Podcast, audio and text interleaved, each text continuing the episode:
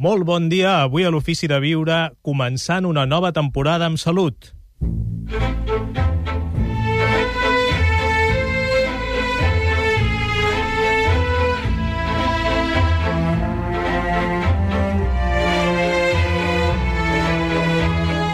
Gaspar Hernández, l'Ofici de Viure.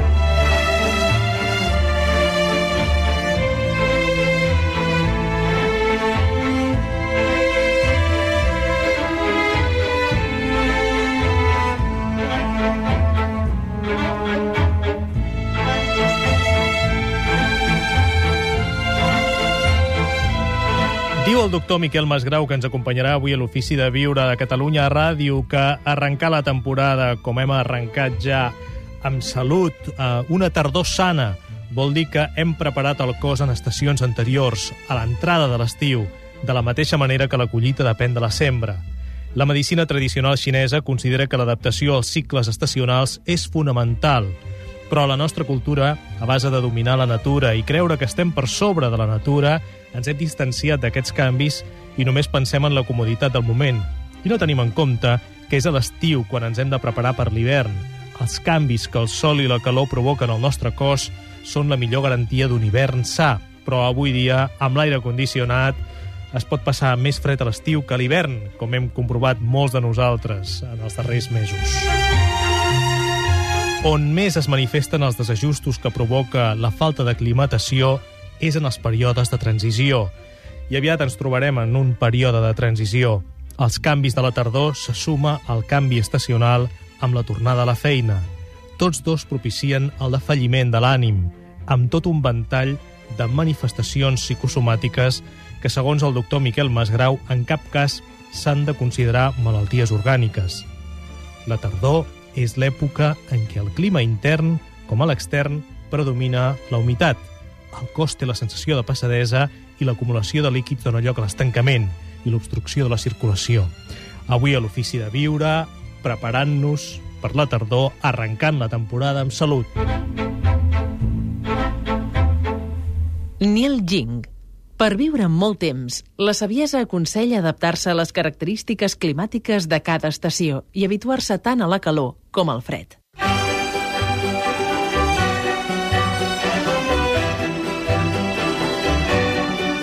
Hola, el meu nom és Carme Bom, soc terapeuta de professió, també professora de creixement personal i homeòpata. El més important és intentar mantenir un equilibri en totes les àrees de desenvolupament vital. Són cinc àrees que ens fan sentir en plenitud. Una àrea és l'àrea espiritual molt vinculada a gaudir de la soledat, a gaudir dels espais oberts a la natura, a cultivar el silenci, la meditació. Moltes vegades és una àrea força oblidada i és molt important per l'equilibri general. L'altra és l'àrea de la salut física, que té a veure amb com dormim, com ens alimentem, si fem exercici físic, quina cura tenim de la nostra imatge i si descansem d'una manera dient durant el dia o empalmem una activitat amb una altra i no deixem el cos restablir-se.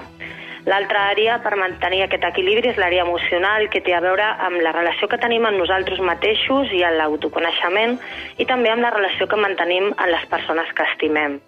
És una de les àrees més importants a cuidar donat que si tenim col·locades les relacions, tenim col·locada la vida. Posar-nos propòsits de cuidar més a les persones que estimem, acompanyar els seus desitjos i tenir cura de les seves necessitats, pot ser un exercici empàtic que a la vegada es torni per nosaltres una àrea de molta satisfacció.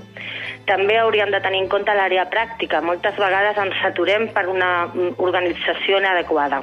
L'organització del temps, dels diners, dels espais, són coses que també poden donar molt d'equilibri i molta tranquil·litat a l'esperit. I, evidentment, eh, també ens hem de preocupar de l'àrea intel·lectual i de l'àrea creativa és una àrea amb la que l'ésser humà gaudeix moltíssim del coneixement, de la formació, de la saviesa totes les coses que estan vinculades a la creativitat. Jo em marcaria fites petitones i senzilles dins de cada àrea. Revisaria si aquestes cinc àrees eh, les tinc col·locades a la meva vida, si són conscients per mi i, per tant, les practico, perquè és necessari mantenir una homeostasis per apropar-nos a una millora de la quotidianitat que ens doni més salut mental i també més salut física.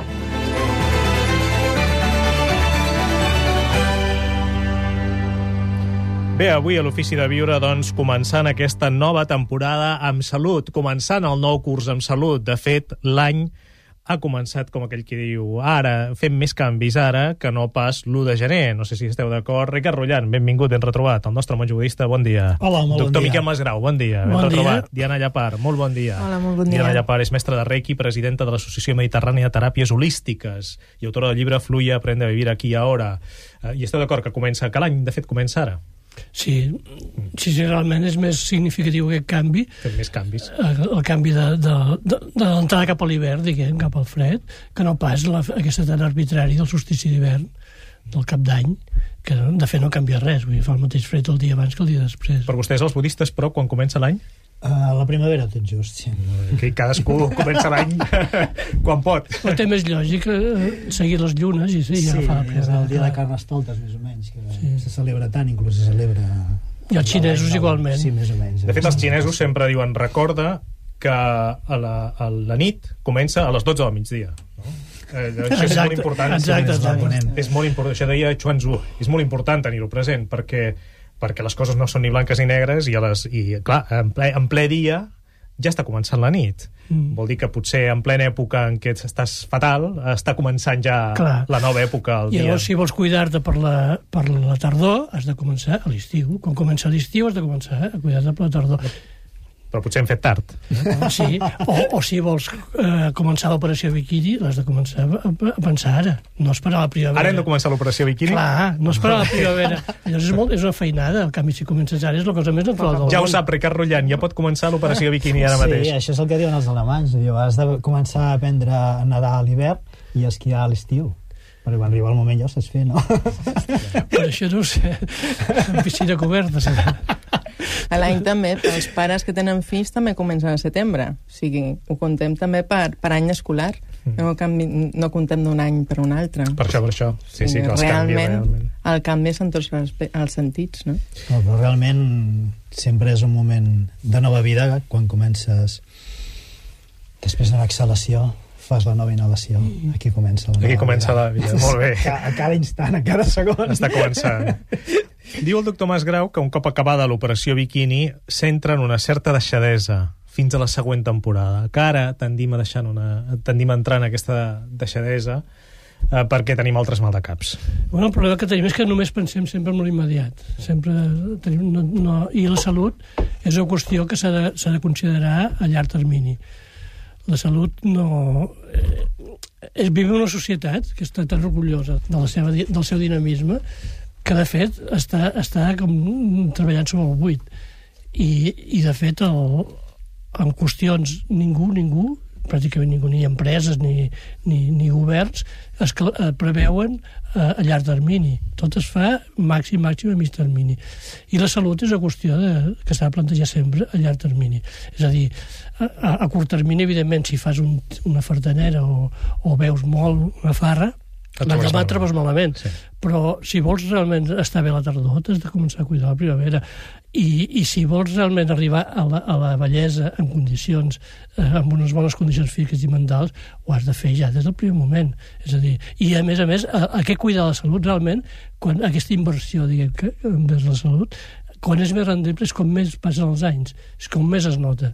És quan, per exemple, parlant amb persones grans, que estan bé, que estan bé física i mentalment, si, si, si, els, si parles amb elles veuràs que totes han estat el resultat d'una vida sana.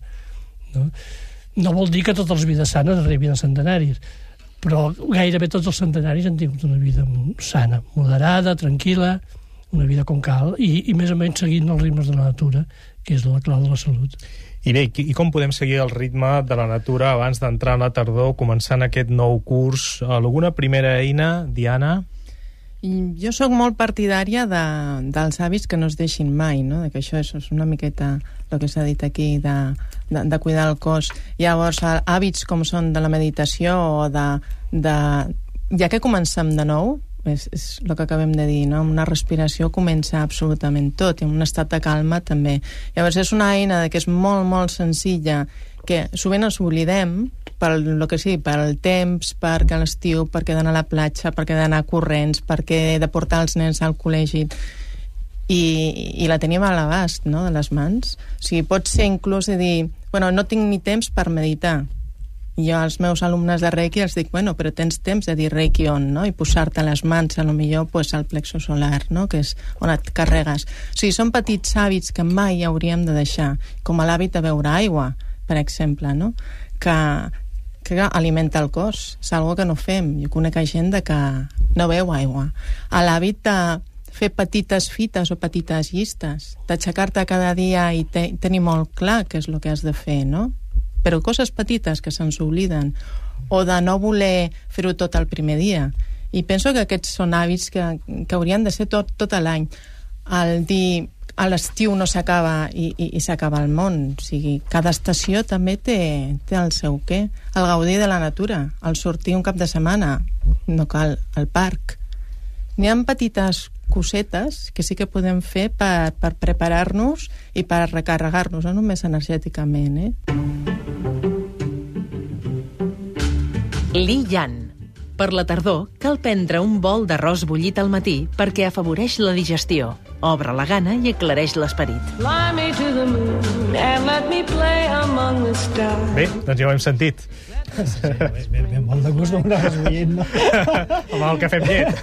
bueno, no tant amb cafè amb llet, sens dubte, però un arròs sempre...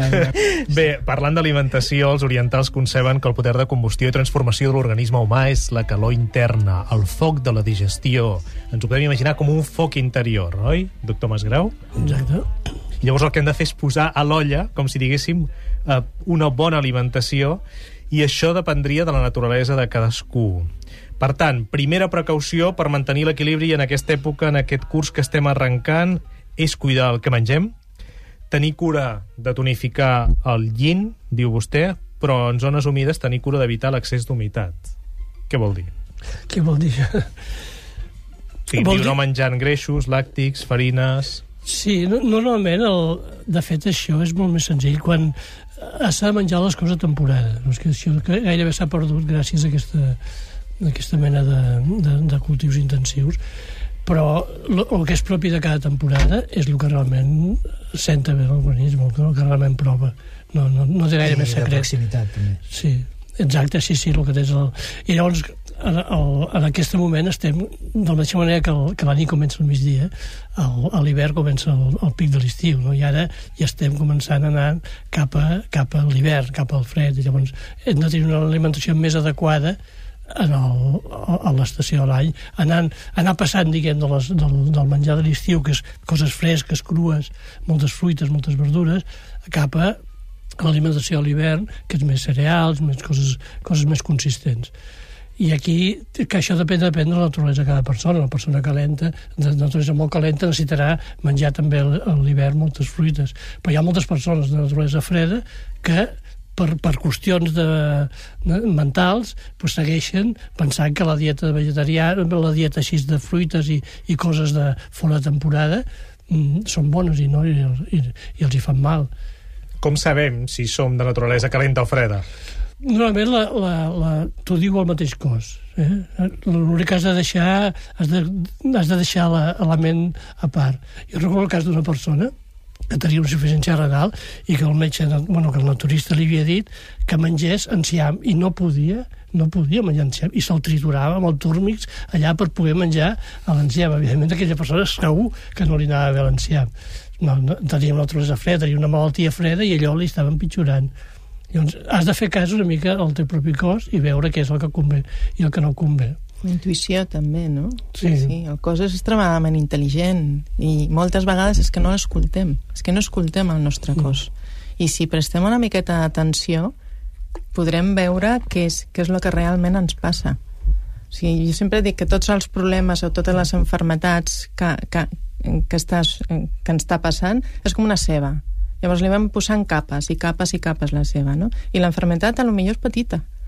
I hem d'anar traient aquelles capes com? Escoltant el cos. I l'única manera d'escoltar el cos és això, és tenir el teu moment i seure en, en silenci, no? sense tota la preocupació de, de les coses del dia a dia, de què és tot perillar, no?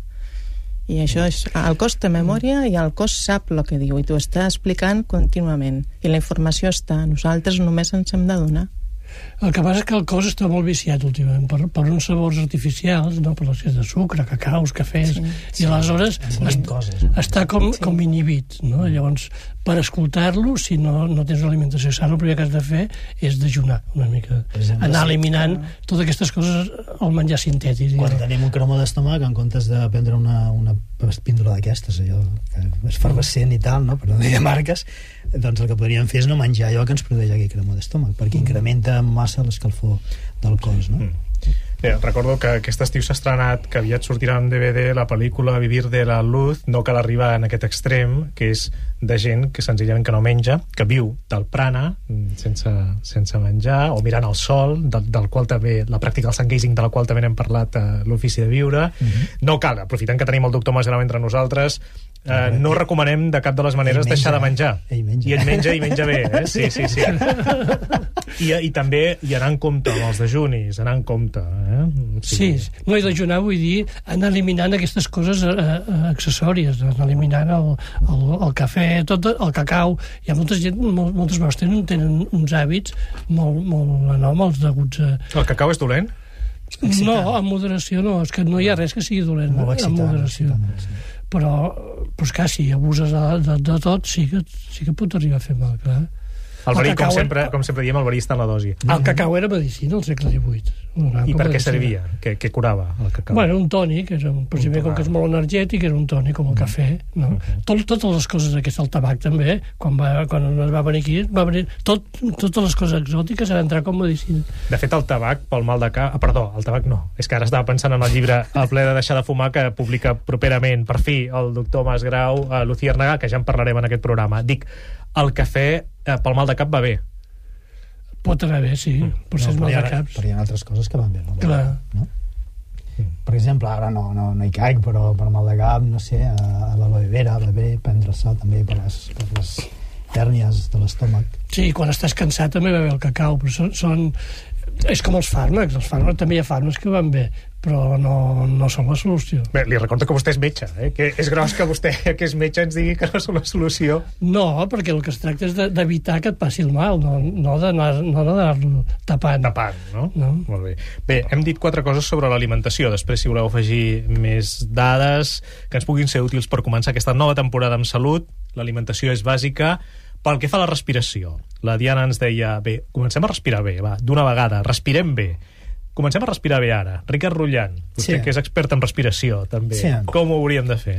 Bueno, sempre hem de tenir molt en compte que nosaltres tenim un, uns pulmons que tenen tres zones, la zona baixa, mitja i alta, llavors hauríem de fer ús de les tres zones. És a dir, no hauríem de fer una respiració alta, en el cas de les dones, per exemple, que tenen sostenidors molt apretats, sempre tenen més respiració més alta. Sí, No, totes. A l'estiu, no? Bueno, a l'estiu no tant, però bueno, eh, ja, eh, per això precisament, eh, si estàs d'estiu i vas una mica més lliure i et banyes, inclús eh, pots eh, banyar-te nua o nu, és perfecte i notes que respires platòric. En canvi, ara tornes a les oficines, tot això, les males postures, que estàs així ensupit, llavors oh, la respiració es va cap amunt i clar, els pulmons de dalt són molt, són molt petits. I en canvi si fem ús de tot el pulmó de forma gradual, omplint de baix, omplint del mig, omplint de dalt, llavors ens assegurem una respiració completa adequada, tal com hauríem de respirar de forma natural. És a dir, els bos... la gent del bosc, eh, aquests que viuen per les per bosquímens i tots aquests, respiren d'aquesta forma. No és, una, no és una forma iògica de respirar, és la forma natural que els éssers humans hauríem de, de I es tracta, eh, estem parlant d'agafar l'aire també amb el diafragma o no? És respiració Bueno, és que, diafragmàtica? és que no, no, no podrem eh, respirar si no movem el diafragma. El diafragma és el que ens fa respirar. Els pulmons són passius. Els pulmons són com esponges que absorbeixen o deixen anar. Però el que fa absorbir o deixar anar l'aire dels pulmons és el diafragma, és el moviment diafragmàtic. Però, evidentment, el moviment diafragmàtic també s'uneixen a la resta de músculs que estan a l'entorn, per exemple, els abdominals, intercostals i els claviculars. Llavors, tots aquests músculs han d'anar estar, han d'estar reforçats. Sobretot el diafragma. El diafragma és important perquè té moltes capes musculars. Hi ha moltes vegades, per males postures o inclús faixes, cinturons, que queda agarrativat. Llavors no respires bé i no omples bé els pulmons. Quants segons hauria de durar una bona respiració? La pot fer? En pot fer una vostè ara, si us plau, si té l'amabilitat? Sí, és molt lenta, però per, per, per poder omplir has de buidar primer. És a dir, és una cosa, és com una ampolla, si està plena no la pots omplir. Primer l'has de buidar. És molt suau, eh, ves comptant, si vols. Ara vostè no té els auriculars, però està sonant ja la música de la meditació Ah, clàssica de l'ofici de viure. Doncs si algú vol comptar els segons...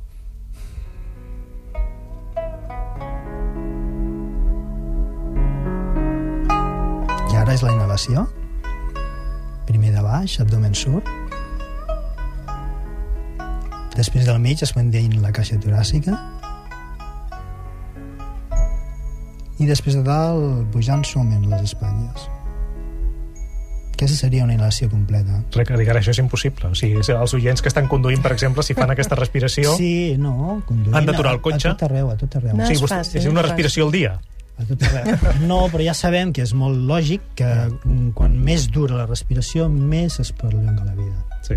Sí, La- tenim la- les respiracions comptades les i, per tant... respiracions estan comptades. Si tu fas unes exhalacions lentes i les fas tranquil·lament i després vas omplint suaument, això fa que cada dia, doncs, en comptes de respirar 32.000 vegades, respiris eh, 20... Respirem 20, molt 20.000 superficialment. vegades. Sí, sí, sí. sí Diana. M'agradaria, sí, afegir, mm, sobretot la gent, jo em trobo amb gent que diu és que jo no ho noto, com baixa l'aire o com puc treure l'aire de les diferents zones dels pulmons, no?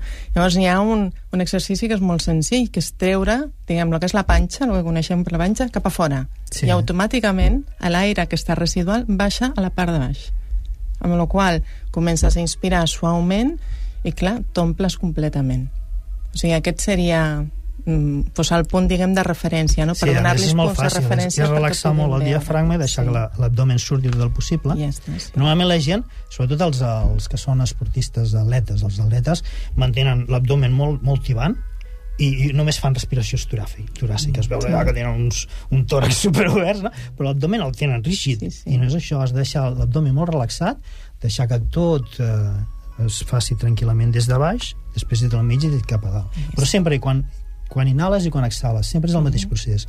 De baix, del mig a dalt. Inhalar, de baix, del mig de dalt a, a dalt, exhalar. Sobre això dels abdòmens, a mi sempre m'ha cridat l'atenció que la imatge Sí. típica del Buda és Sí. d'algú rodonet amb un bon abdomen.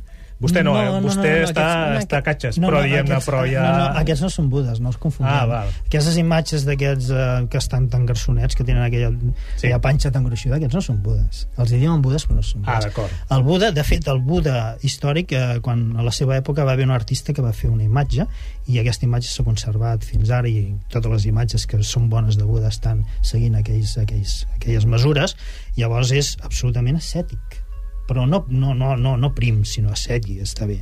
És a dir, però té l'abdomen ben fet, els tòrax ben fet, no? Per exemple, el Dalai Lama no és un senyor que estigui molt prim. No, no, no, no. no. I té una bona dieta, sobretot el cuida molt, tot i que ha tingut un problema, li han Sí. estirpat la melsa darrerament, però això és per l'estrès és que el de la Diràs. va aquí, va allà, avió aquí, avió allà, conferència aquí, pum, pum, reunió Ha de, ha de canviar el món. És que, clar, és que té una pressió a sobre. I Quan tu has de final- canviar el món, dius, I al home... final li han d'acabar traient la melsa, no? Per dir, estiguis quiet, com a mínim una al quiròfan. Avui a l'Ofici de Viure, començant una nova temporada amb salut i amb somriure i respiracions. Un secret de Gangaji, mestre espiritual, per començar la temporada amb salut. Dir-se la veritat d'un mateix. Committed to this balance, Si realment estàs uh, entregat amb aquest equilibri, then you're willing to tell the truth about your past mistakes. llavors es- estàs disposat a dir-te la veritat sobre els teus errors del passat.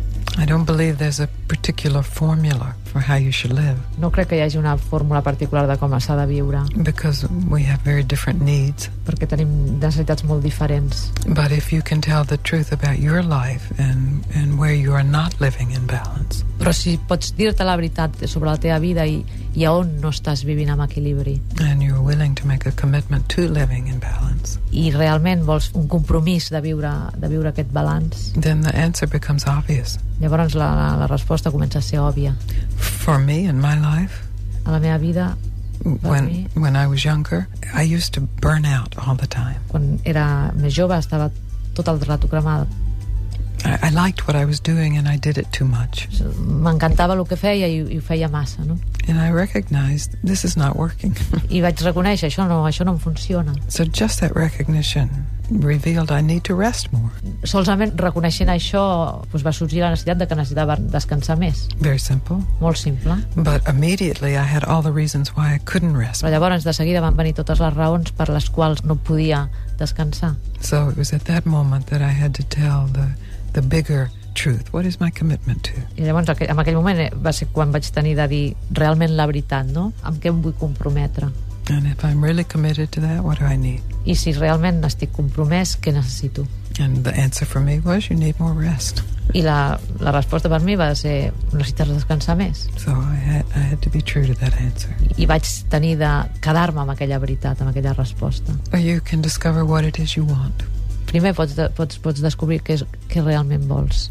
And when you discover what you want, you can ask yourself, what will that give me? I llavors, una vegada ho has descobert, pots preguntar-te i això què em donarà? And that will tell you what you really want. I allò et dirà el que no vols. And you can find that inside yourself. I pots trobar això dintre teu. Well, there has to be a willingness to lose something. Has d'estar disposat a perdre alguna and the, best way is the willingness for a moment to lose everything. La millor manera és, per un moment, estar disposat a perdre-ho tot. Just to take this moment and lose everything. Solament un moment i perdre-ho tot. And then in the next moment, you appreciate what's here. I llavors, en el moment següent, aprecies el que hi ha, el que és. Your choices then are refreshed by having lost everything. I llavors pots escollir d'una manera fresca, havent perdut tot. We are made to have fear about losing, Este, de fet, estem fets per, per tenir por de, de perdre, but we can open to that fear. però ens podem obrir amb aquesta por. And fear is not wrong. No és dolent tenir por, It's part of being a, an animal, és part de ser un animal, but it doesn't have to direct our lives. però no ha de dirigir les nostres vides. And we will lose everything I, i de fet, perdrem tot, at, at some point. en un dia o un altre. So to have that point be just this moment, Però aconseguir que aquest moment que ens passarà sigui ara. then the next moment is filled with freshness. Llavors, el, el moment següent està totalment fresc. Això és l'Ofici de Viure, a la sintonia de Catalunya Ràdio, la Ràdio Nacional de Catalunya. Estàvem escoltant Gangagi, mestre espiritual, autor del llibre Tens un diamant a la butxaca, sobre com començar bé la temporada. Perdre el moment, no en el sentit de perdre el temps, sinó la sensació que aquest, temps, aquest moment ja ha passat, anem a començar un moment nou, vivim, per tant, el present. If you wanna be my friend, you El propòsit de viure el moment present també seria, Diana, un bon propòsit per començar el curs. Aquest sempre, sempre. Normalment quan, en tots els canvis, en tots els canvis eh, surt la- Surt l'ansietat de tornar a les obligacions, de l'ansietat de fer coses noves, i comença el i si. I si passa això? I si ve tal persona? I si... I, jo als meus alumnes els dic, us prohibeixo totalment que digueu aquesta frase, el i si, perquè no som adivins, no? Viu ara. Què és el que pots fer ara per resoldre això? Fes-ho. I com no pots resoldre el que passarà demà, doncs llavors no t'angoixis. O sigui, viu dia a dia. I tot, i mm, fent, fent el dia a dia per, per lo que pugui passar demà. O sigui, fes el 100% i viu el 100% i gaudeix el 100% avui. De tot, eh? De tenir els nens, d'estar viu, de tenir salut, de trobar-te bé. I si no tens la salut? Si no tens la salut, fes, busca quines, mm, què és el que pots fer per això. Sí, doctor Masgrau, si no tens la salut... Pues sí, has de buscar-la, clar. Però l'has de buscar primer dintre de tu mateix, clar, que és la veritable salut. No anar a, la, no anar a buscar botingues i començar-te. la, la salut de pot aquesta. Anava no. a dir farmàcia, És però un- no ho ha dit, que quedi clar que no ho ha dit. He dit botingues. Sí.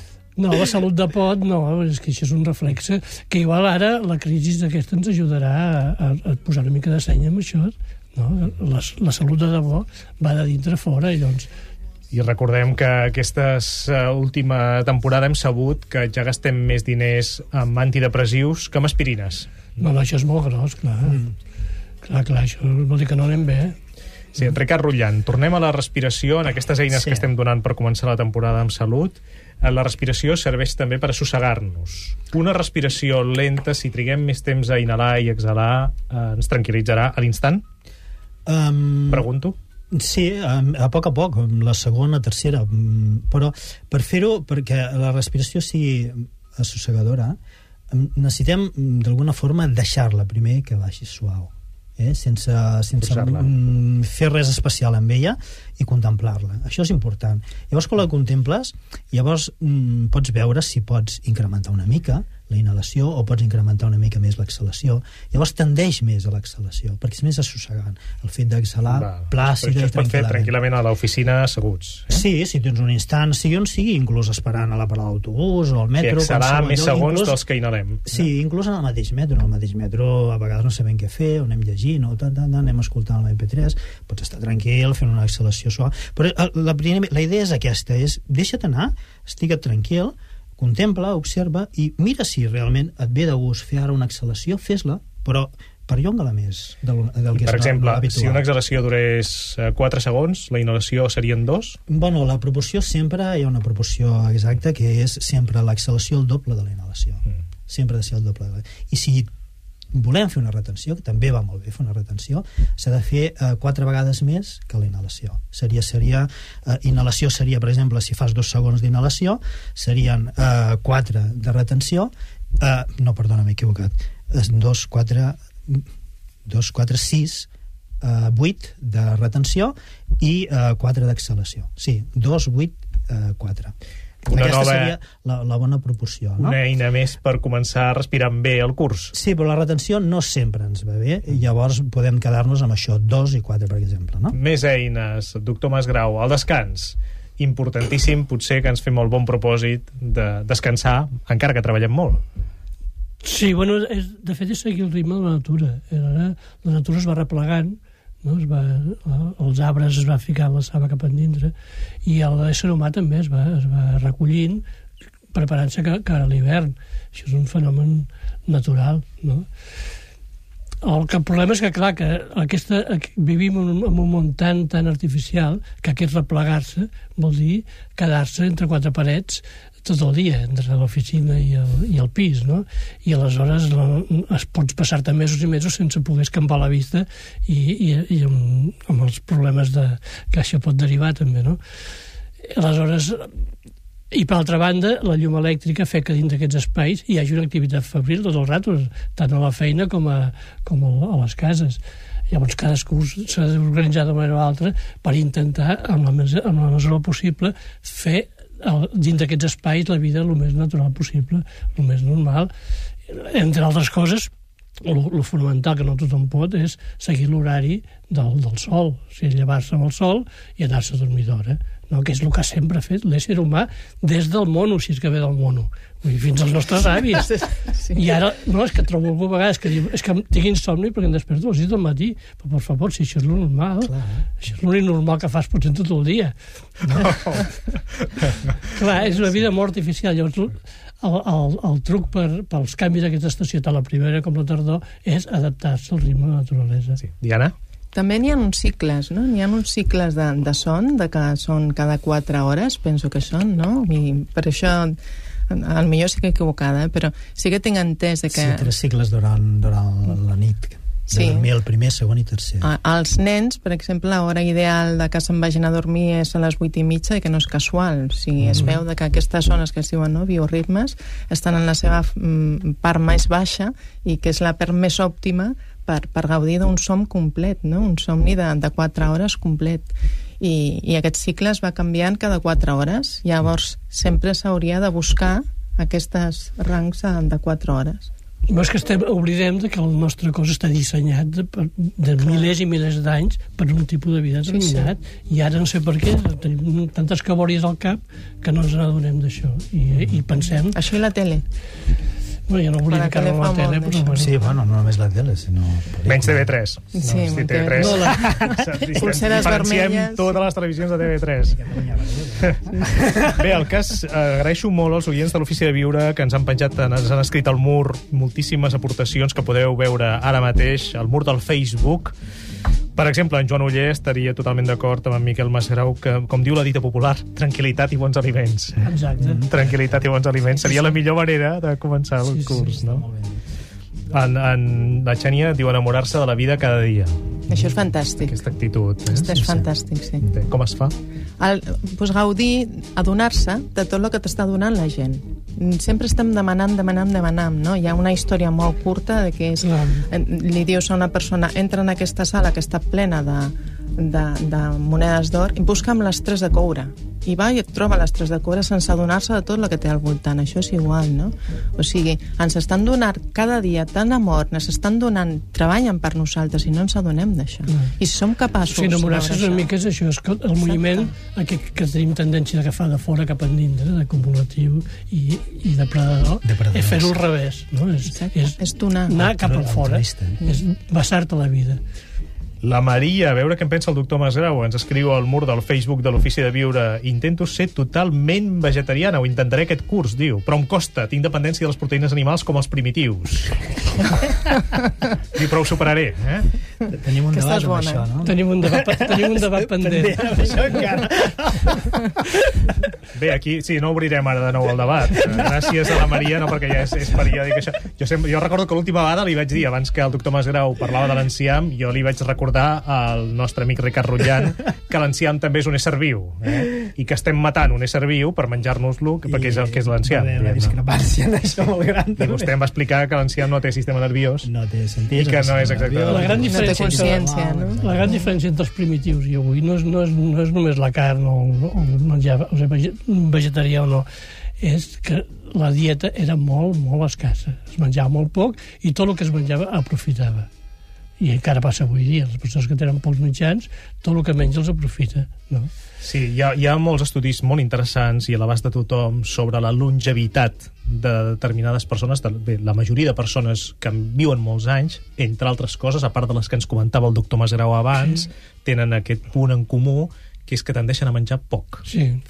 sí, sí. A Sardenya, per exemple, hi ha un, un poble, hi ha molts centenaris a Sardenya, i tots això mengen, mengen precisament for, formatge, i mengen molta carn, però en canvi es mengen molt moderats i sobretot fan una activitat física que es passen tot el dia pujant i baixant muntanyes rere les cabres.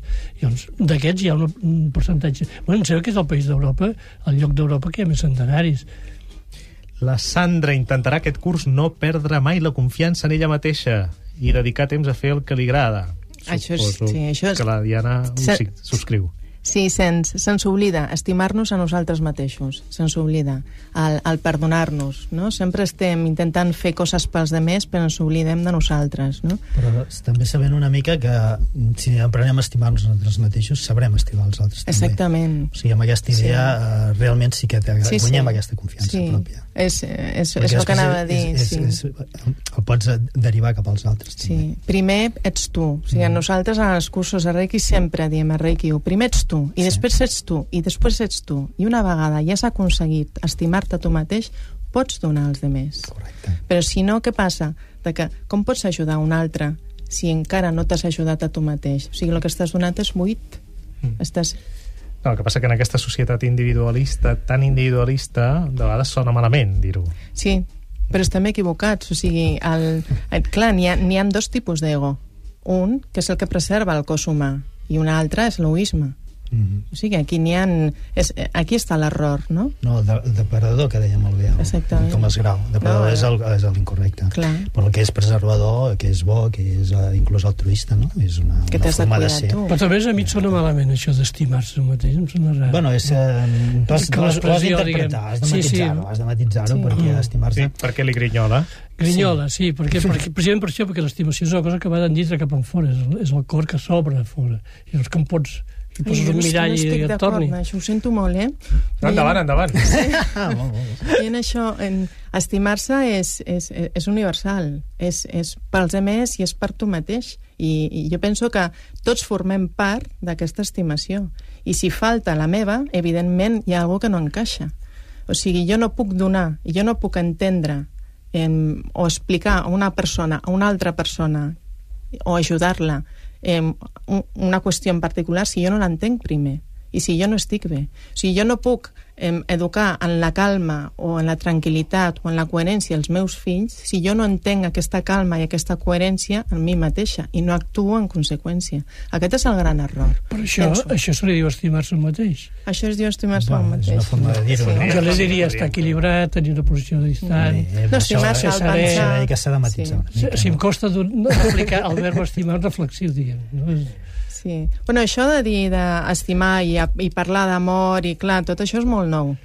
I penso que això també és Sobretot en una educacional. societat tan egoista com la nostra, no? que precisament pequem d'això, de que la gent s'estima va dels dos accessos. No, No, però s'estima egoistament. El que Sí, sí, sí. estem parlant és d'estimar-te, és a dir, quan tu penses um, tinc molts errors, les coses em van malament, doncs haig de solucionar-ho. Llavors això estàs pensant en tu, t'estàs Mm. estimant a tu mateix i estàs fent una manera per solucionar aquests problemes.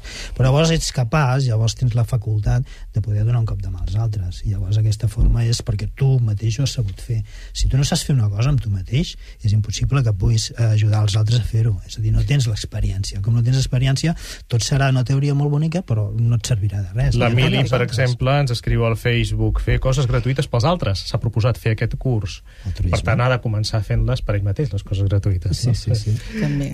És que fer-ho Però pels altres, fer-ho per un mateix, per això vull dir que és... Sí. El que dones, tu dones. Exacte, és que, és que és així. El- el la reflexió és a través de l'altre, no, no, no a un mateix. Saps? És a dir, potser vivim una societat tan depressiva, tan, que eh, domina tant aquest, aquest desànim, que a l'expressió aquesta estimar-se un mateix és una mica l'antídot de, de, de la depressió. Evidentment, si estàs deprimit tu, si estàs desanimat, no pots ajudar els altres. Però això jo no li diria estimar-se un mateix. Vostè, doctor Masgrau, per exemple, curant els altres, segur que es cura vostè mateix. També. Exacte. Sí, no? És un xollo. Bueno, en Reiki també, eh? En Reiki, quan dona Reiki, com passa Sí, a través sí, sí, teu, sí, sí. També, també. també, també passa. Altres propostes, bu- buscant eh, coses que faran els nostres col·laboradors i, i especialistes i terapeutes coincidint amb aquest nou curs, que és, com dèiem abans, potser el, el canvi d'any, en el fons, doncs abraçar els arbres pot ser un bon propòsit, també. Això és fantàstic. No? Això és fantàstic. I explicava, explicava abans, eh, nosaltres vam fer una pràctica, fem pràctiques gratuïtes de, de Reiki, vam fer una, una pràctica el dissabte passat i vam, els vaig portar al parc de Torreblanca, que està en Sant Joan d'Espí, a abraçar arbres. Molt bé. Fantàstic. I, i sí, no, no, el, el, el tema era veure I les com li cares... deia la setmana passada amb Enric Rullant, no us va detenir cap policia ni No, res. Va. curiosament, la gent esperava i em preguntava què esteu fent. Llavors jo li vaig explicar no? de que n'hi havia una energia, de que era dels arbres, de que això es notava, es notava molt. Quan entres al parc, a més a més, està rodejat. Ets, tu et notes i et sents un, no?, amb tot el que es rodeja. Els alumnes, evidentment, em van mirar i van dir, bueno, està mig boja, mig boja, i, però després van, van, van al·lucinar perquè van notar tot el camp energètic. No cal, eh, abraçar-se, ja t'acostes una miqueta i, ho pots notes, notar. Que, i, i, I pots notar-ho. Sí, això Sí, es nota sí. sense tenir aquesta, sense haver-ho cultivat, notes de seguida Totalment. l'energia dels arbres. Totalment. Sí, Jordi Llavina ja ho saps, Hola, eh? bon Pots dia. començar el curs, bon dia, I abraçant la- arbres. Ho faré, però la meva pregunta és, hi ha espècies d'arbre que més que d'altres o no? Sí, cada arbre, a més a més, a veure, tots tenen un tipus d'energia, llavors, com, com nosaltres, cadascú ens dediquem a una cosa, doncs els arbres també tenen una, unes particularitats. No, no me les sé totes, però, per exemple, del, del no, roure... Ho dic, ho dic perquè, per exemple, hi ha el pollanc, que és un arbre, o els, o els albes, que són arbres que creixen generalment a la vora de, de rius o de cursos fluvials, no? Eh, hi ha els roures o els pins, els pins tenen les arrels més monstruoses que puguis imaginar perquè busquen Sí. l'aigua i són molt devastadors eh, aquests són més de terra endins i jo no sé si el, el pi més l'arbre més de terra endins que no pas el que es troba en llocs més eh, d'aigua eh, transmet més energia que els altres no sé si ho heu constatat això no, és diferent. És que igual que els cossos humans, cadascú té el seu tipus d'energia i llavors és diferent, interacciona, interactua amb tu d'una manera o d'una altra. Ricard, vostè s'abraça els arbres? Oh, no ho faig gairebé mai, ho he fet una vegada per curiositat i està molt bé, està molt bé. El que passa que estic abraçant a tot l'univers mentre estic meditant i això m'agrada més també. Clar. jo de tant en tant també Sí, això és una feinada. eh? Jo, Vigili Ricard no s'estressi volent també abraçar tot l'univers, perquè jo m'atabalaria molt, no eh? És, no és estressant, és absolutament plàcid, és una meravella. És recom molt recomanable. No, jo que de tant en tant, eh, vull dir, arbres no ho he fet i trobo que és molt bonic, però de tant en tant sí que m'abraço algun amic que fa temps que no el veig i dic, què passa, tronco? I ja està. Però, però, però també és neto, noto una, una, una energia. Què passa amb el Jordi, que no saps quan fa broma i quan fa... Eh que no? Bueno, ja, ja ho No, el Jordi sempre fa broma. Sí. Exacte. Però persones Sí, seriós. estressades, persones estressades, això que tenen l'angoixa, que tenen l'angoixa al coll, jo els animo, encara que sigui només la, el palmell de les mans. Sí. Perquè lo, Apropar-lo a l'arbre. lo, que, lo que tu fas és tot l'excés d'energia de que tu tens al teu cos, al- a l'arbre automàticament ho arrela. És, és com una, un- una toma a terra. Si li passes l'energia al pobre arbre, la dolenta. Sí, i ahir et passa una altra que és més calmant o que és més equilibrada. Jo molt ràpidament vull recomanar un conte molt bonic d'un autor polonès que es diu Slawomir Rozek, que es diu L'arbre, precisament que és un arbre que hi ha amb un revolt. I aleshores molts cotxes s'hi estampen i, i, i molts eh, aixafen el cotxe, no? I aleshores la, les, les autoritats competents estan molt i molt preocupades. I aleshores destinen una persona allà i la persona que destinen no sap que és per vigilar els... Es pensa que és per vigilar l'arbre. I, per tant, ell el que fa és vigilar l'arbre i pateix per l'arbre, no pels que s'estampen amb el cotxe. Crec que és un... Vull dir, l'òptica aquesta és, és, És un dels autors preferits d'en Quim Monzó. Exactament. Eh? Precisament. Exactament. Molt bé, doncs ho hem de deixar aquí perquè arriba l'amor. Amb en Jordi Llavina, d'aquí uns instants. Uh, doctor Masgrau, que tingui una molt bona arrencada de curs. Molt bé. El doctor Masgrau fa molta cara de salut, eh? Es nota que ha deixat de fumar. Fa anys, fa anys, fa anys bueno, d'això, eh? per això, però, però es nota que de. Ja parlarem del llibre. D'aquí un mes parlarem del llibre que fins ara es podia trobar a internet i ara va, arriba a les llibreries el ple de deixar de fumar. Moltíssimes gràcies també, Diana. Diana Llapar, que tingui molt bona entrada de curs. Que vagi Moltes molt bé. gràcies, D'aquí uns instants, Jordi Llavina. Feu podcasting amb l'ofici de viure. Si voleu escoltar qualsevol programa endarrerit o de la temporada passada, podeu anar a catradio.cat. Cliqueu damunt programes a Z i seleccioneu els programes que més us interessin. A l'Ofici de Viure mirarem d'aprendre A internet ara mateix teniu més de 500 programes de l'ofici de viure a la vostra disposició. L'Ofici de Viure amb Gaspar Hernández. Eines pel benestar emocional. Aquí, Catalunya Ràdio. Sí, au, va, que sí, home, Roma i Ginebra per 49 euros. A Iberia ajustem el cinturó als nostres preus per apropar-te al món. Un milió de places a uns preus increïbles. Aprofita aquesta oportunitat. Compra els teus bitllets fins al 18 de setembre. Preu final per trajecte comprant anada i tornada. Informa't a iberia.com. Afanya't, que només queden dos dies. Roma per 49 euros. Els concerts, com si fossis un dels músics. Al teatre, com si fossis un actor. Al cinema, com si formessis part de la pel·lícula. I és que només si ets soci del 3C estaràs molt més a prop de la cultura, perquè només els socis del 3C tenen tota la informació, el millor servei, el millor preu i avantatges exclusius. I perquè de clubs de descomptes n'hi ha molts, però de clubs de cultura, només un. Fes-te soci del Club 3C des de només 32 euros al 902 33 90 33 i al web 3C.cat. Amb el suport de TV3, Catalunya Ràdio i El Periódico. L'any 1344 el rei Pere III travessà les portes de la muralla de Manresa. Fes un viatge en el temps en un carrer que conserva l'essència medieval. Vine a la ciutat reial de Manresa. Endinsa't al carrer del Vals. Més informació a museudemanresa.cat i a Turisme Manresa 93 878 40 90.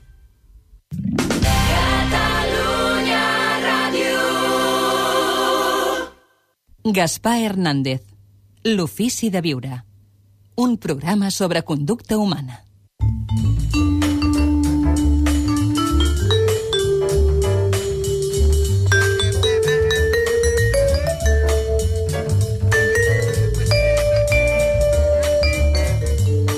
Som-hi, doncs. Fa cosa d'un any vaig rebre una petició d'amistat via Facebook d'una noia que desconeixia qui era.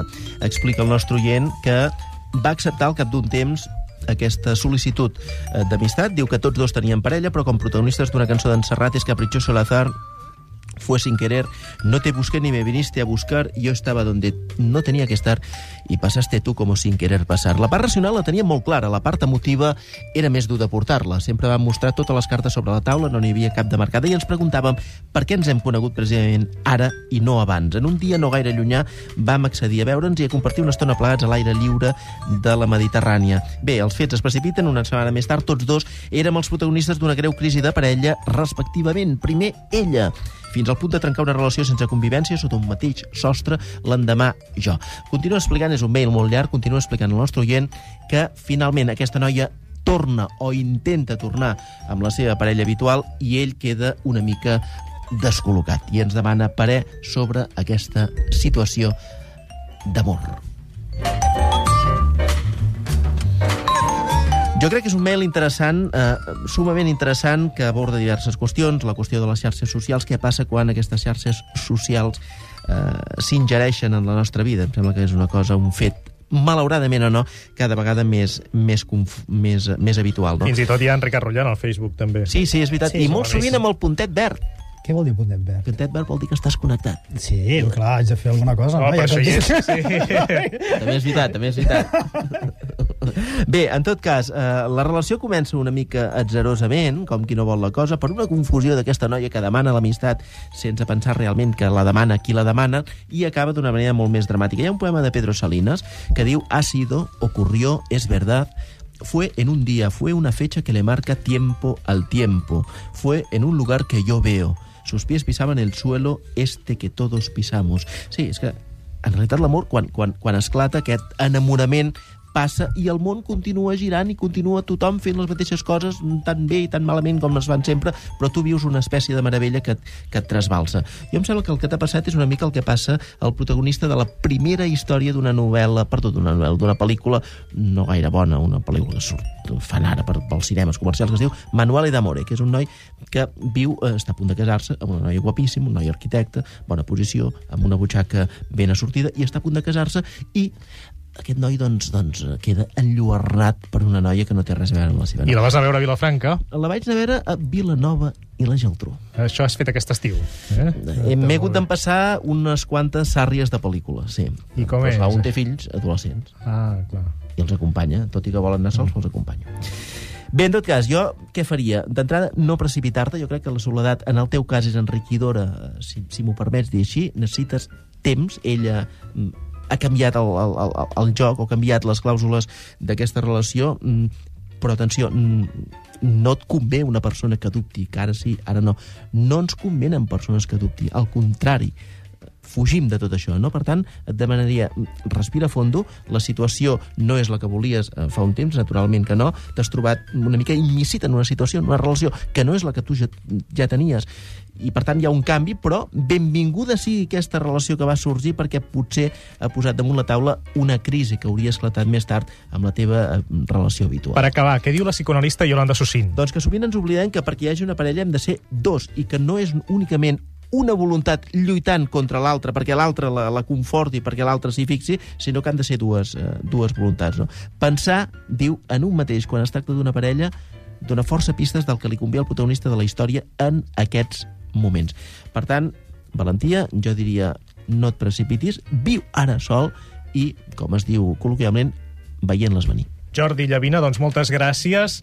Demà parlarem a l'Ofici de Viure de masculinitat i feminitat perquè hi ha homes, no miro ningú, eh, Jordi, sí. que, tenen, que són molt dones, diguem -ne. Oi, I... a mi m'afalagues molt, eh, si em dius que, que tinc un, un cantó molt femení. No, no, jo no dic res, però hi ha dones que, en canvi, tenen eh, molta, molts trets masculins. Eh? també, també. I això ni és bo ni és dolent. No, vull dir que no, no Ricard Rutllant, no cal jutjar-ho. Eh, és així. Bé, és per naturalesa. De la naturalesa es va formant segons el nostre actitud mental i tot de nosaltres podem ser molt masculins si realment eh, desenvolupem aquesta actitud i si no, podem ser molt femenins. Per I exemple, tenir cos d'home. Sí, no, però això també és pel, pel karma, ara no podem entrar en detalls No, del karma. no, no tenim temps de parlar del però karma. això ve d'altres vides, ve de predisposar per altres. Això segons I, el sobretot, budisme. I sobretot una mica segons el moment abans de néixer, l'afecció que tens vers el pare o vers la mare. Bé, demà no sé si entrarem en aquest aspecte, en parlem. Eh, moltes gràcies. Fins demà.